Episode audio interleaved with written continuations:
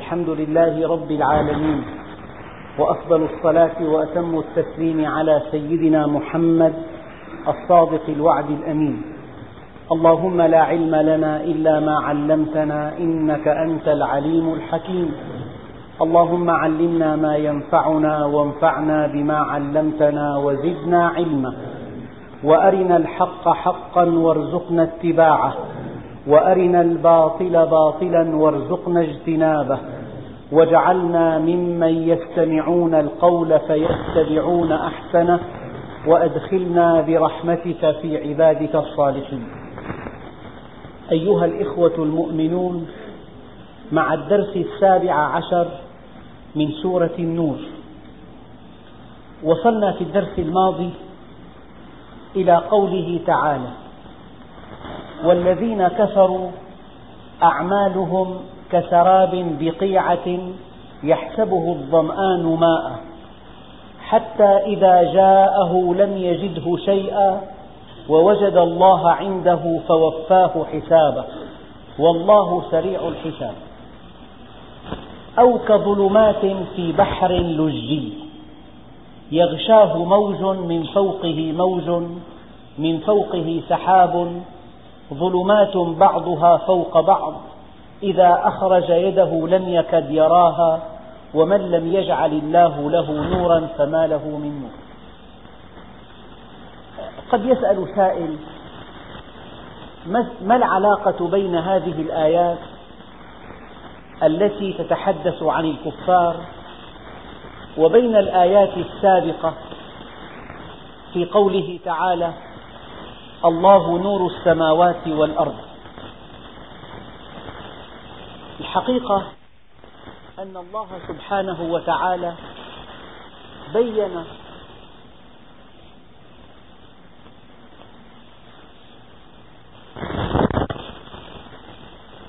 الحقيقة أن الله سبحانه وتعالى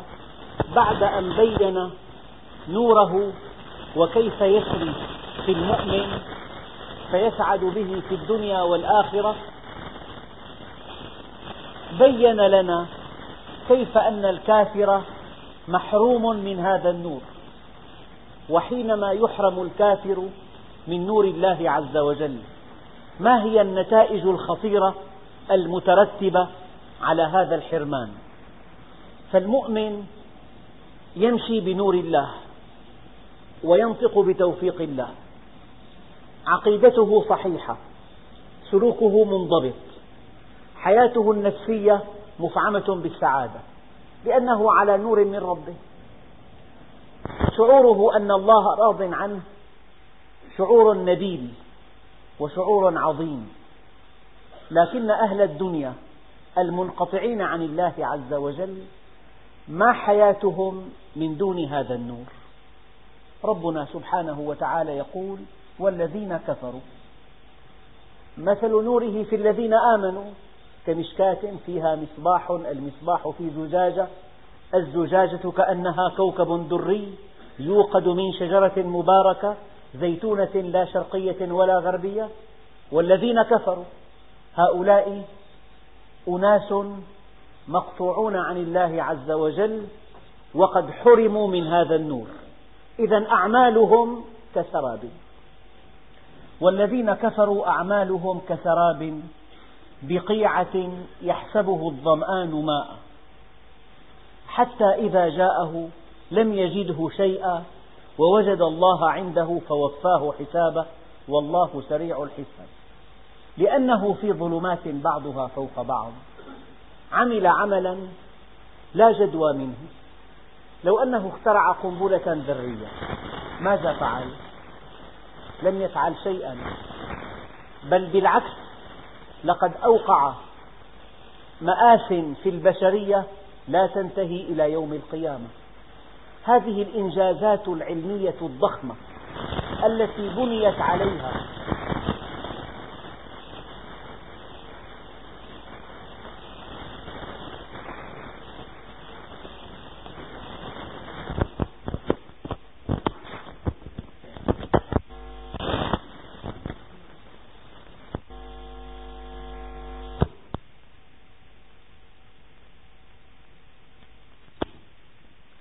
هذه الإنجازات العلمية الضخمة التي استخدمت لإيقاع الأذى في بني البشر الذين اخترعوها والذين اكتشفوها وقد حققوا سمعة عظيمة في عالم البشر هذه الأعمال العظيمة لو, جاؤوها لو جاءوا يوم القيامة ليجدوها أعمالا عظيمة فإذا هي سراب في سراب لذلك الإنسان ولو أنه حصل أعلى الدرجات العلمية ولو أنه كان ذكيا ولو أنه كان متفوقا في عمله ولو أنه كان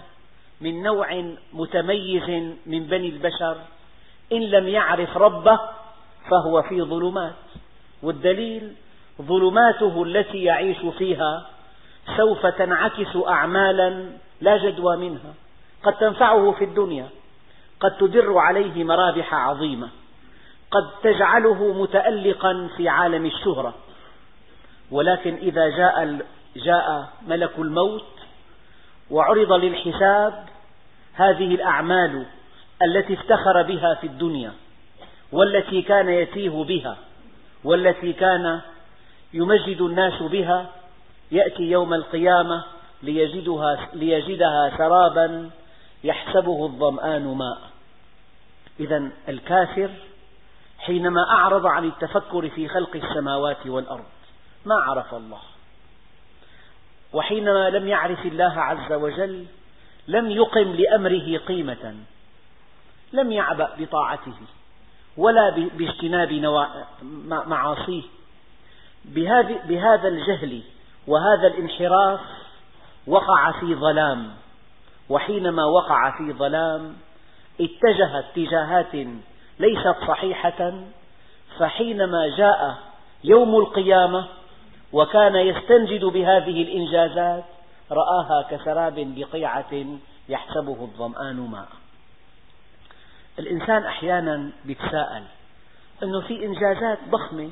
على مستوى الصناعة والتجارة والزراعة واكتشافات وأسلحة ذات فعالية تفوق حد الوصف وأسلحة جرثومية وأسلحة كيماوية وقنابل ذرية وقنابل انشطارية أليس هذا إنجاز؟ نعم لكن هذا الإنجاز لو عرض على ميزان الميزان يوم القيامة كان كسراب بقيعة يحسبه الظمآن ماء يعني حتى الأعمال التي تبدو للناس عظيمة حتى الأعمال التي يفعلها أهل الدنيا المنقطعون عن الله عز وجل والتي هي بنظرهم عظيمة هذه الأعمال لو عرضت على المحك الصحيح الذي يسعد الناس أو يشقيهم لكانت أعمالهم خسارة في خسارة لذلك يقول الله سبحانه وتعالى قل هل ننبئكم بالأخسرين أعمالا الذين ضل سعيهم في الحياة الدنيا وهم يحسبون أنهم يحسنون صنعا وربنا عز وجل حينما يرى الإنسان قد أعرض عنه يذكره فلا يذكر ينبهه فلا ينتبه يسوق له الشدائد فلا يتعظ عندئذ يدعه وشأنه فلما نسوا ما ذكروا به فتحنا عليهم أبواب كل شيء أبواب كل شيء يعني تفوق وتقدم وإنجاز وبحبوحة وغنى وقوة وما شاكل ذلك حتى إذا فرحوا بما أوتوا أخذناهم بغتة فإذا هم مبلسون والذين كفروا أعمالهم كسراب الحقيقة السراب يحسبه الظمآن ماء لما ربنا سبحانه وتعالى قال يحسبه الظمآن ماء لأن الظمآن يبحث عن الماء فإذا لاح له في الأفق ما يشبه الماء سعى إليه فإذا سعى إليه يكتشف الحقيقة المرة أن هذا الذي رآه ماء إنما هو سراب ووجد الله عنده فوفاه حسابه يعني هذه الأعمال فعلتها يا فلان ليقال عنك كذا وقد قيل خذوه إلى النار هذه الأعمال العظيمة فعلت فعلتها لتتألق في عالم الشهرة وقد اشتهرت هذه الأعمال فعلتها ليمدحك الناس وقد مدحوك هذه الأفعال فعلتها لتجمع منها ثروة طائلة وقد حصل ذلك فلذلك الإنسان حينما يغفل عن الله عز وجل تصبح أعماله تافهة لا جدوى منها في مقياس السماء مقياس الأرض قد يثني عليه الناس قد يمدحونه قد يملأ أعينهم بهذا العمل العظيم ولكن في مقياس الدار الآخرة لا قيمة للعمل إلا إذا كان نافعا للناس والذين كفروا أعمالهم كسراب بقيعة يحسبه الظمآن ماء حتى إذا جاءه سعى إليه لشدة لهفته الإنسان يوم القيامة يفتقر إلى العمل الصالح والحقيقة أن الغنى غنى العمل الصالح وأن الفقر هو فقر العمل الصالح وأن العمل الصالح هو أثمن شيء في الحياة الدنيا وربنا سبحانه وتعالى قرن العمل الصالح مع الإيمان في أكثر من مئتي آية في أكثر من مئتي آية فقال والذين آمنوا وعملوا الصالحات وقال والعمل الصالح يرفع وقال ولكل درجات مما عملوا إذا أنت في هذه الدنيا جيء بك إلى الدنيا كي تعمل عملا صالحا يصلح أن تسعد به إلى الأبد فإذا جئت الدار الآخرة عرفت قيمة العمل الصالح وبحثت عنه فإذا كان صالحا أسعدك وإن لم, وإن لم يكن كذلك كان العمل هباء منثورا وقدمنا إلى ما عملوا من عمل فجعلناه هباء منثورا حتى إذا جاءه لم يجده شيئا ووجد الله عنده فوفاه حسابه يعني كل عمل يدعي الإنسان أنه فعله ليرقى به عند الله ربنا سبحانه وتعالى عليم بذات الصدور ولا ينبئك مثل خبير خبير بما نعمل سميع بصير وكفى بربك بذنوب عباده خبيرا بصيرا يعني الله سبحانه وتعالى وحده يعرف حجم عملك يعرف الإخلاص في العمل يعرف الصدق في العمل يعرف مقدار التضحية يعرف ما بذلت وحجم ما بذلت فلذلك ربنا سبحانه وتعالى هو الذي يحاسب الإنسان يوم القيامة حتى إذا جاءه لم يجده شيئا هذا العمل العظيم اخترع هذه القنبلة الذرية التي امتلأت شهرته في الخافقين ومع ذلك لم يجده شيئا لم يجده شيئا أعمالهم كسراب بقيعة يحسبه الظمآن ماء حتى إذا جاءه لم يجده شيئا ووجد الله عنده فوفاه حسابه والله سريع الحساب يعني الله سبحانه وتعالى وصف نفسه بأنه سريع الحساب لأن الحساب يحتاج إلى وقت يحتاج ولا يتذوق هذه الآية إلا من عمل في الحساب يحتاج إلى وقت وإلى جهد وإلى آه، ليالي يسهرها وإلى صفحات يملأها لكن الله سبحانه وتعالى في لمح البصر يعطي كل ذي حق حقه الآية الثانية أو كظلمات في بحر لجي يغشاه موج من فوقه موج من فوقه سحاب ظلمات بعضها فوق بعض إذا أخرج يده لم يكد يراها ومن لم يجعل الله له نورا فما له من نور العلماء يقولون إنه حتى عام 1900 لم يكن يعرف أحد أن في البحر أمواجا داخلية المعروف أن في البحر أمواجا سطحية على سطح البحر هناك أمواج ولكن كما يقول العلماء البحارة الاسكندنافيون عرفوا لأول مرة وهم يغوصون في أعماق البحر أن في البحر أمواجا داخلية ولما عرضت هذه الآية على بعض علماء البحار دهشوا وصعقوا كيف أن هذا الكتاب الذي جاء قبل ألف وأربعمائة عام يشير إلى الأمواج الداخلية في البحر الحقيقة كيف أن الأمواج السطحية تدفع السابحة إلى جهة أو إلى أخرى الأمواج العميقة تدفع الغواصة إلى جهة أو إلى أخرى والله سبحانه وتعالى بين في هذه الآية أن في البحار أمواجا سطحية وأمواجا داخلية فقال أو كظلمات هذه الظلمات التي يعيشها الكافر تفكيره في ظلمات وقيمه في ظلمات وكلامه في ظلمات وأعماله في ظلمات يتخبط خبط عشواء ينفع ويؤذي ويفرق ولا ولا يجمع ويؤذي ولا ينفع ويباعد ولا يقرب وهو لا يدري أو كظلمات في بحر لجي البحر اللجي هو البحر العميق أو هو البحر المفعم بالموج أو كظلمات في بحر لجي يغشاه موج هذا الموج يغشى البحر لكن هذا الموج هو الموج الداخلي والأمواج من شأنها أن تعكس الأشعة فلو أن البحر هادئا هادئ لرأيت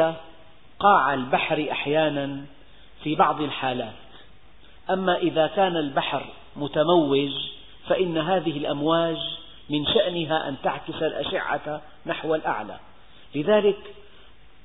أو كظلمات في بحر لجي يغشاه موج من فوقه موج هذا الموج الداخلي ومن فوقه موج من فوقه سحاب فهذا الإنسان إذا كان في قاع البحر فالأمواج الداخلية تعكس النور والأمواج السطحية تعكس النور والسحاب يحجب النور فماذا بقي له من النور إن حاله إن ظلمة قلبه وإن ظلمة عقله وإن ظلمة أفعاله وإن ظلمة أقواله تشبه قاع البحر وكلمة البحر اللجي أي البحر العميق ومعلوماتي أن في البحر المحيط الهادي واديا اسمه وادي مريانا هذا الوادي عمقه أكثر من اثني عشر ألف متر والشيء الذي يلفت النظر أن الأسماك في قيعان البحار ليس لها عيون إطلاقا الخالق العظيم خلقها لتعيش في قاع المحيطات وفي قاع المحيطات ظلام دامس فلماذا العين؟ وما فائدة العين؟ لذلك الأسماك التي تعيش في قاع المحيطات لا عيون لها تتعرف إلى المحيط الخارجي عن طريق السمع ولا لا عن طريق البصر والشيء الذي يلفت النظر هو أن الإنسان كلما هبط في المحيط مسافة أكبر ازداد ضغط الماء عليه فضغط الماء قد يحطم أكبر الغواصات لو أن غواصة استل جهاز استل جهاز ارتفاع ارتفاعها يعني في كل غواصة جهاز يعرف قبطانها ارتفاعها عن سطح البحر أو بعدها عن سطح البحر لو أن هذا الجهاز اختل وهبطت أكثر من 200 متر فإن ضغط الماء يحطمها وقد يسأل سائل كيف تعيش هذه الأسماك على أعماق كبيرة جدا في البحار إذا كان ضغط الماء كافيا لتحطيم غواصة أنشئت من الفولاذ فكيف تعيش هذه الأسماك قال بعض العلماء إن هذه الأسماك لها أجواف داخلية ممتلئة بمياه البحر ولأن هذه الأجواف الداخلية الممتلئة بماء البحر ينشأ فيها ضغط داخلي يكافئ الضغط الخارجي فبهذا تعيش هذه الأسماك في قاع المحيطات فهل هناك من تشبيه أروع لهذا الكافر البعيد عن الله الذي لا يصلي الذي ما عرف الله عز وجل الذي يعيش للذته يعيش للحظته يعيش لاقتناص اللذة لا قيمة له للقيم عنده هذا الكافر في ظلمات بعضها فوق بعض أو كظلمات في بحر لجي يغشاه موج من فوقه موج من فوقه سحاب ظلمات بعضها فوق بعض لذلك لما ربنا عز وجل حدثنا عن سيدنا يونس قال آه، إذ نادى في الظلمات أن لا إله إلا أنت سبحانك إني كنت من الظالمين ما هي الظلمات الثلاث؟ قالوا ظلمة الليل وظلمة البحر وظلمة بطن الحوت وهذا الكافر في ظلمات ثلاث هو في قاع المحيط فوقه موج يعكس الأشعة وفوقه وفوق الموج موج وفوق الموج سحاب ظلمات بعضها فوق بعض إذا أخرج يده لم يكد يراها ربنا سبحانه وتعالى في بعض الآيات الأخرى يقول يا أيها الذين آمنوا توبوا إلى الله توبة نصوحة عسى ربكم أن يكفر عنكم سيئاتكم ويدخلكم جنات تجري من تحتها الأنهار يوم لا يخزي الله النبي والذين آمنوا معه نورهم يسعى بين أيديهم يعني من خلال هذه الآيات في هذه السورة يتضح أن العمل الطيب نور وأن العمل السيء ظلام وهاتان الآيتان الآية الأولى والذين كفروا أعمالهم كسراب أو كظلمات بعض المفسرين يرون أن الآية الأولى تتعلق بأعمالهم الطيبة لكنهم إذا جاءوا يوم القيامة رأوها سرابا في سراب والآية الثانية تتعلق بأعمالهم السيئة الأولى تتعلق بأعمالهم الطيبة والثانية تتعلق بأعمالهم السيئة فأعمالهم الطيبة ما أرادوا بها وجه الله أرادوا الدنيا أرادوا الشهرة أرادوا السمعة أرادوا المال الوفير أرادوا الثروات فهذه الأعمال على أنها أعمال مدهشة لا قيمة لها يوم القيامة الآن أعمالهم السيئة عدوانهم على الناس أخذهم ما ليس لهم استعبادهم للناس أو كظلمات في بحر لجي كيف أن المؤمن نوره يسعى بين يديه يوم القيامة بهذا النور يسعد به إلى الأبد الكافر بما عمل من أعمال سيئة خسيسة وبما اعتدى على أعراض الناس وعلى أموالهم يرى عمله ظلمات بعضها يرى عمله ظلمات بعضها فوق بعض إذا أخرج يده لم يكد يراها ومن لم يجعل الله له نورا فما له من نور يعني النور واحد من عند الله عز وجل إما أن يكون لك إما أن يكون لك قبس من هذا النور فأنت مهتدي أو ليس لك من هذا النور قبس فهذا هو الضلال بعينه يعني الهدى لا يتعدد ربنا عز وجل قال وأن هذا صراطي مستقيما فاتبعوه ولا تتبعوا السبل فتفرق بكم عن سبيله الحق واحد الهدى واحد أما الباطل متعدد متنوع الضلالات أنواع والانحرافات أنواع أنواع ونسب لها أنواع كثيرة وكل نوع له نسب يعني الخط المستقيم خط مستقيم لكن الخط المنحرف عن هذا الخط في انحراف درجة انحراف درجتين انحراف خمس درجات الانحراف منوع في عندنا خط منكسر وخط منحني وخط متعرج وخط ملتوي الانحراف منوع ونسبي لكن الاستقامة واحدة وذات مصدر واحد ومن لم يجعل الله له نورا فما له من نور الآن نضطر إلى أن نشير إلى أن الذكاء وحده لا يكفي يعني الذكاء وحده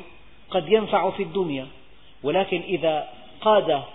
الإنسان ذكاؤه إلى أن يكفر بالله عز وجل أو إلى أن يستعلي على الناس أو أن يأخذ ما ليس له فهذا ليس بذكاء لأنه سيلقى الواحد الديان ويدفع الثمن باهظا إذا يمكن أن تدمغ كل إنسان بعيد مشرك كافر بأنه غبي لأن ذكاءه يعني أفاده في دنياه فقط ولكن في آخرته ما أفاده ذكاؤه إذا ومن لم يجعل الله له نورا فما له من نور ثم يقول الله سبحانه وتعالى ألم تر أن الله يسبح له من في السماوات والأرض والطير صافات كل قد علم صلاته وتسبيحه والله عليم بما يفعلون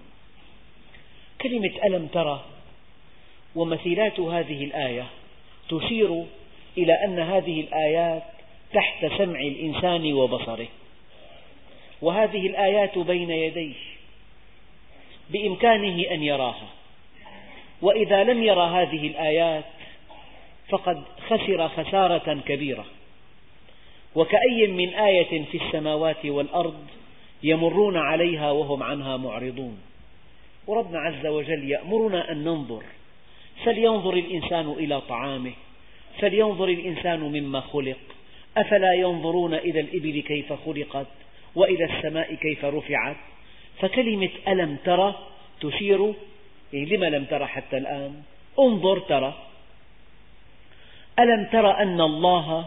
يسبح له من في السماوات والأرض من معاني التسبيح أنك إذا رأيت أو إذا نظرت إلى أي شيء من مخلوقات الله تجده متقنا إتقانا لا حدود له صغير المخلوقات وكبيرها جليلها وحقيرها أي مخلوق نافعها وضارها لو نظرت إلى تشريح جسده إلى بنية أجهزته إلى تركيب حواسه لرأيت العجب العجاب فهذا الطير كأنه يسبح الله سبحانه وتعالى هذه السمكة لروعة لجمال خطوطها ولدقة أجهزتها ولعظمة بنيانها إذا تأملت فيها دفعك هذا التأمل إلى تسبيح الله سبحانه وتعالى هذا هو المعنى الأول ألم تر أن الله يسبح له من في السماوات والأرض انظر إلى الشجرة كيف نمت من حبة وكيف صارت شجرة من جعلها بهذا الشكل الجميل من جعلها تنمو بلا صوت من جعلها تثمر من جعلها تزهر من جعلها تورق كيف أنك تستفيد من ورقها ومن ثمرها ومن زهرها ومن خشبها وكيف أنها تزين لك بستانك انظر إلى الشجرة انظر إلى العين انظر إلى القلب انظر إلى كل شيء هذا الشيء إذا تأملت فيه ورأيت دقة بنيانه وروعة صنعته وإتقان خلقه تقول سبحان الله فهذا هو المعنى الأول من قوله تعالى ألم تر أن الله يسبح له من في السماوات والأرض المعنى الثاني أن كل شيء خلقه الله سبحانه وتعالى يسبح بحمده والذي يؤكد المعنى الثاني قول الله عز وجل في آية أخرى ولكن لا تفقهون تسبيحهم ولكن لا تفقهون تسبيحهم إذا الطير تسبح والزهرة, والزهرة تسبح والحجر يسبح والنبي عليه الصلاة والسلام كان يقول أعرف حجرا بمكة كان يسلم عليه وأسلم عليه والعلم الحديث يقول كل ذرة فيها حركة فيها كهارب ونواة وإلكترونات ومدارات هذا الشيء الذي تراه جامدا هو يتحرك ويدور بسرعات مذهلة نظام الذرة يشبه نظام المجرة إذا الجمادات والنباتات والحيوانات كلها تسبح الله سبحانه وتعالى هذا الإنسان الذي سخرت له جميع المخلوقات والذي سخر الله له ما في السماوات والأرض كيف يغفل عن الله عز وجل كيف تسبح الطير ويسب في الأجواء والأسماك في البحار والرياحين والأزهار والأحجار وهو في غفلة عن الله عز وجل ألم تر أن الله يسبح له من في السماوات والأرض والطير صافات يعني مرة قرأت كلمة كتيب عن الطيران في مقدمة الكتاب يقول إن أعلى أعظم إن أعظم طائرة صنعت حتى الآن لا ترقى إلى مستوى الطائر إن أعظم طائرة صنعت حتى الآن لا ترقى إلى مستوى الطائر أساس الطائرة خفة في الوزن وأداء مرتفع مرتفع جدا في الطاقة أداء لأنه السيارة حينما تتحرك تمشي على عجلات فالوقود من شأنه أن يدفعها نحو الأمام ولكن الوقود في الطائرة من شأنه أن يرفعها كلها فأن تدفع سيارة نحو الأمام تحتاج إلى جهد لا شك لكن أن تحمل سيارة هذا يحتاج إلى جهد كبير إذا الطائر حينما يطير ستا وثمانين ساعة بلا توقف في طائر اسمه بلاك بول يطير ستا وثمانين ساعة بلا توقف هناك طيور تهاجر من شمال الأرض إلى جنوبها وتقطع مسافة تزيد عن سبعة عشر ألف كيلومتر هناك طيور تهاجر من الشام مثلا إلى أفريقيا طيب حينما تعود كيف تهتدي إلى أوكارها وإلى أعشاشها إذا انطلقت من إفريقيا مثلا لو أنها انحرفت درجة واحدة لجاءت في مصر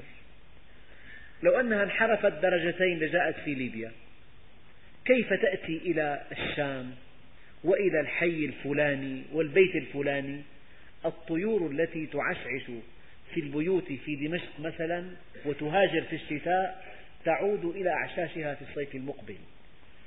كيف تهتدي في الطريق هذا من عظمة الله سبحانه وتعالى هذا الريش كيف أنه, أنه مفرغ من ال... كيف أن الريش يعني بدرجة من الخفة تفوق حد الخيال فالطائر خفيف جدا خفيف وريشه متماسك وهذا الريش يتبدل يعني في بعالم الطيران طيران الطيور حقائق مذهلة لا مجال لذكرها كلها الآن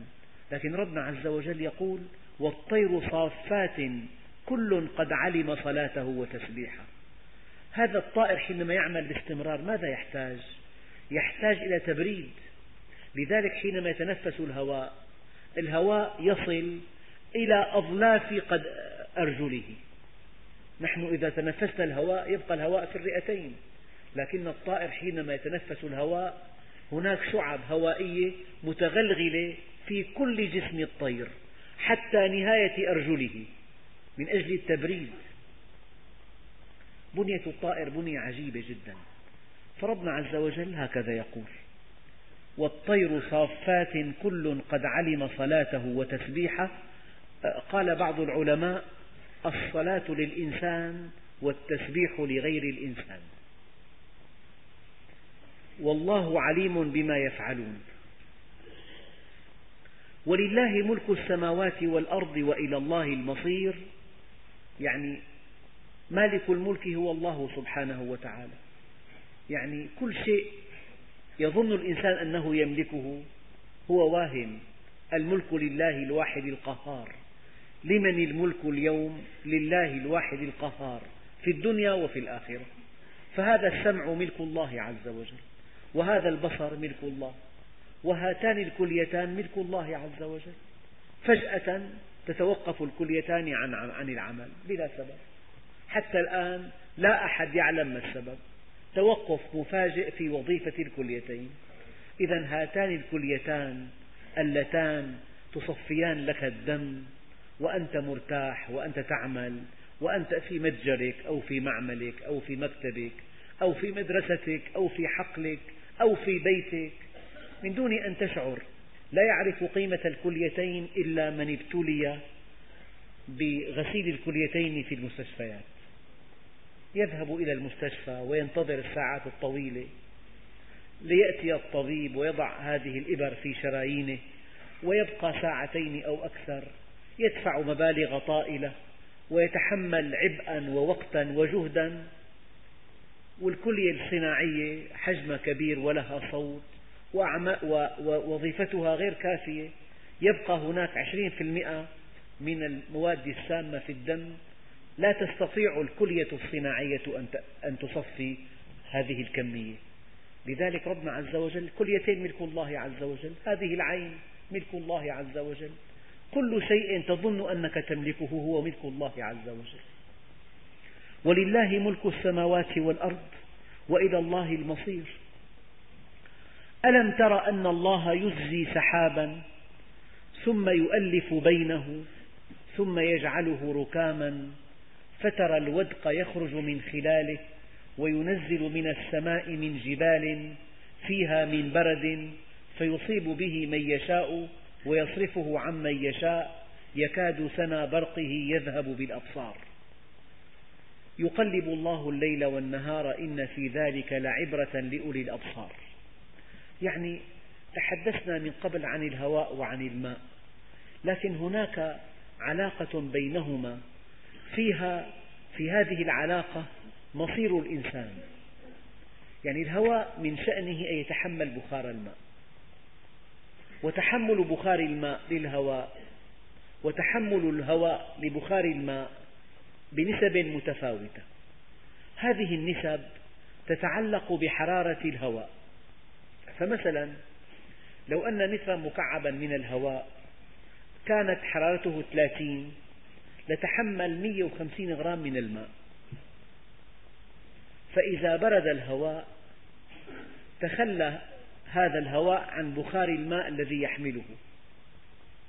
وهذا مبدأ الأمطار أشعة الشمس مسلطة على مساحات شاسعة, شاسعة من الماء وربنا عز وجل حينما جعل البحار نسبتها واحد وسبعين بالمئة من سطح الأرض وتسعة وعشرين بالمئة يابسة هذه النسبة ليست عبثا لولا أن مساحة البحار تعادل أربعة أخماس اليابسة لما أمكنت, لما أمكنت الحياة على اليابسة فهذه المساحات الهائلة من البحار تأتيها الشمس فتأخذ شيئا منها على شكل بخار ماء وقد تسهم الرياح السافيات أحيانا بنقل جزء من ماء البحر إلى الهواء على كل الهواء يتحمل بخار الماء والهواء هناك ساخن طبعا أشعة الشمس تسخن مياه البحر فتتبخر مياه البحر ويحملها الهواء والهواء إذا سخن آه، ارتفع نحو الأعلى وكلما ارتفعنا 150 متر تقل الحرارة درجة واحدة فكلما ارتفع الهواء المحمل ببخار الماء نحو الأعلى برد وإذا برد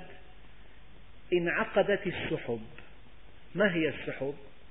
هواء مشبع ببخار الماء برد فتخلى عن جزء من بخار الماء هذا الجزء انعقد سحابا بقي عالقا في الهواء فإذا برد أكثر وأكثر بلغ الحد حد الندى يعني فرط إشباع يصبح السحاب قطرات من الماء طبعا هذا تبسيط جدا للأمطار لكن هناك نظريات أعقد وأعقد من ذلك على كل هذا الهواء يحمل بخار الماء وكلما زادت الدرجة درجة الحرارة ازدادت قدرته على تحمل بخار الماء وكلما قلت هذه الدرجة تخلى عن الماء الزائد فربنا عز وجل يقول ألم ترى أن الله يزجي سحابا معنى يزجي يعني يسوق السحاب يتشكل فوق البحار من يسوقه إلى اليابسة الله سبحانه وتعالى كيف يسوقه عن طريق الرياح فالله سبحانه وتعالى يبعث رياحا تسوق هذه السحب إلى الأراضي العطشة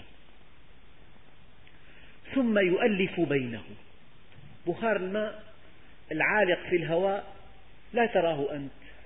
لكن لأوضاع متعددة تتألف هذه الذرات فيما بينها وتشكل السحب وهذه السحب تحمل أطنان من الماء يعني السحابة الواحدة يلي طولها سبعة كيلومتر وارتفاعها أربعة أو خمسة كيلومتر هناك من يقدر أنها تحمل أربعين طن من الماء ماء يسير في الهواء يسوقه الله إلى حيث يشاء فربنا عز وجل يقول ألم تر أن الله يزجي سحابا ثم يؤلف بينه يعني بخار الماء له حالات في حالة لا يرى بها وهو عالق بالهواء في حالة يكون سحابا في حالة يصبح ماء وهذا مبدأ الأمطار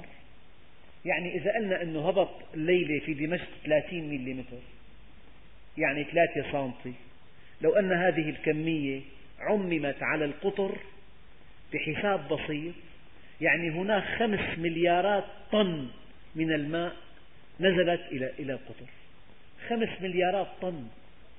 إذا قلنا سمعنا بالأخبار أنه نزل بالمكان الفلاني 30 ملم هذه أم هذه أمواه كبيرة جدا ثم يؤلف بينه ثم يجعله ركاما وعلماء الجغرافيا يعرفون السحب الركامية بأنها السحب الممطرة ومياه الأمطار لا تنعقد إلا من السحب الركامية يعني ربنا عز وجل قال وينزل من السماء من جبال هذا الوصف غريب لكن الذين ركبوا الطائرات اليوم يرون السحب وكأنها جبال الطائرات الآن تطير على ارتفاع أربعين ألف قدم وهذه, وهذه المسافة فوق السحاب فإذا أطل الراكب ونظر إلى السحاب من نافذة الطائرة يرى السحاب وكأنه جبال بشكل دقيق وهذه الصورة عرفها الإنسان بعد أن ركب الطائرة ألم تر أن الله يزي سحابا ثم يؤلف بينه ثم يجعله ركاما فترى الودق الودق هو البرق يعني هذه السحب بعضها مشحون بالكهرباء الموجبة وبعضها مشحون بالكهرباء السالبة هناك سحابة واحدة بعضها مشحون سالبا وبعضها مشحون موجبا وهناك سحب متنوعة بعضها مشحون شحنة سلبية وبعضها مشحون شحنة إيجابية إذا تلاقت هذه السحب يحدث ما يسمى بالانفراغ هذا البرق هذا البرق هو من نتائج تلاقي السحب ذات الشحنات المتفاوتة والبرق يعني بيقولوا أنه حرارته أربعين ألف درجة أربعين ألف فترى الودق يخرج من خلاله وينزل من السماء من جبال فيها من برد البرق أولا حينما تلتقي السحابتان ذات الشحنات المتباينة السلبية والإيجابية يحدث آه، شرارة كهربائية هذه الشرارة هي البرق حرارتها أربعين ألف درجة هذه إذا أصابت شيئا أحرقته تسمى الصاعقة ما هو الرعد؟ حينما تسير هذه الشرارة الهواء يتمدد وتحدث وراء فراغ حينما يعود الهواء ليملأ هذا الفراغ صوت ارتطام الهواء بعضه ببعض هو ما يسمى بالرعد وأصوات الرعد كما تعلمون أصوات مخيفة فترى الودق يخرج من خلاله وينزل من السماء من جبال فيها من برد يعني جبال حينما تنعقد حبة المطر إذا انعقدت في جو بارد تصبح حبة من البرد وحبة البرد قد تصل إلى حجم البرتقالة لولا لطف الله عز وجل في تمريرها خلال طبقات الهواء الساخنة تذوب لكان البرد مصيبة من أكبر المصائب لكن ربنا عز وجل يلطف هذه الحادثة هذه الحبة من البرد حتى تغدو في حجم الحمصة أو دون ذلك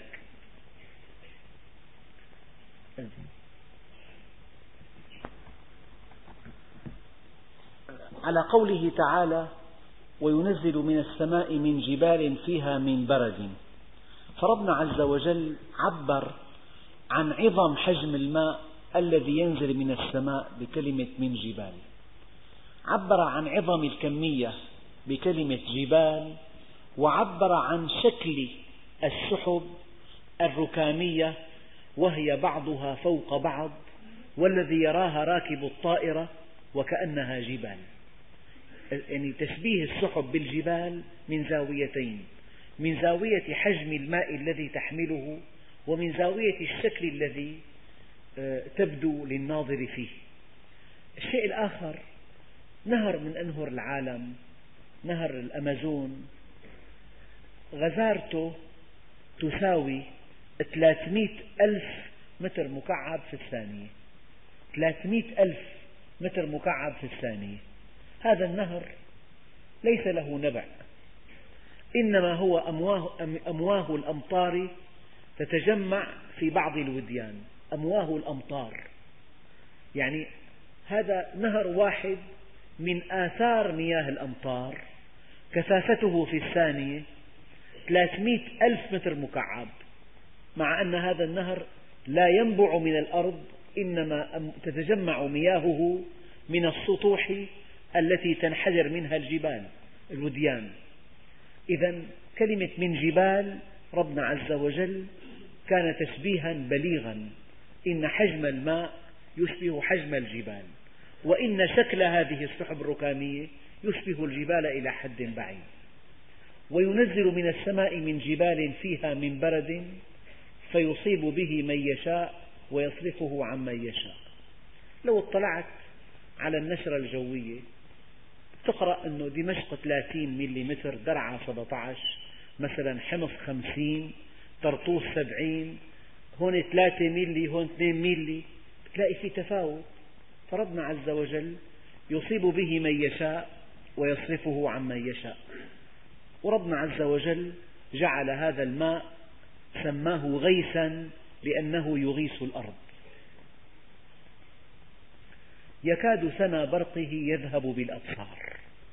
يعني هذا البرق شدة اللمعان ربما تأخذ البصر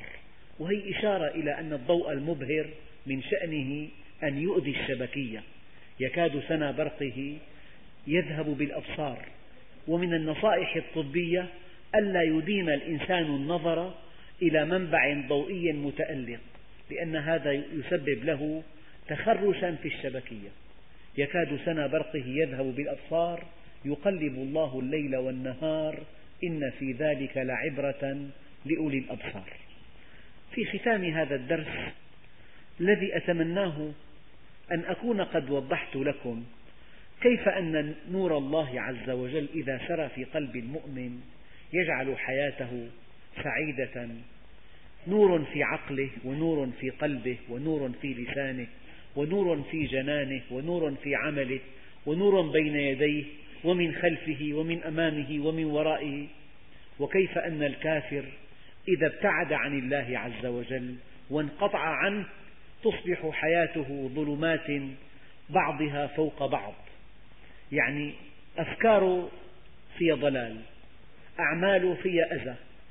آه، كلامه في تفريق في جرح هو في ظلام لأنه يخبط خبط عشواء فربنا عز وجل وصف المؤمنين وكيف أن الله يقذف النور في قلوبهم ووصف الكفار وكيف أن أعمالهم الصالحة كسراب وأعمالهم السيئة كظلمات بعضها فوق بعض وكيف أن هذا الكافر ينتهي به الأمر إلى الشقاء الأبدي ثم لفت نظرنا إلى بعض الآيات الكونية التي يمكن أن نرقى بها إلى الله عز وجل فوصف ربنا سبحانه وتعالى ظاهرة المطر بشكل دقيق دقيق وأرجو الله سبحانه وتعالى أن يمكنني من أن أضيف على تفسير هذه الآيات أشياء في الدرس القادم والحمد لله رب العالمين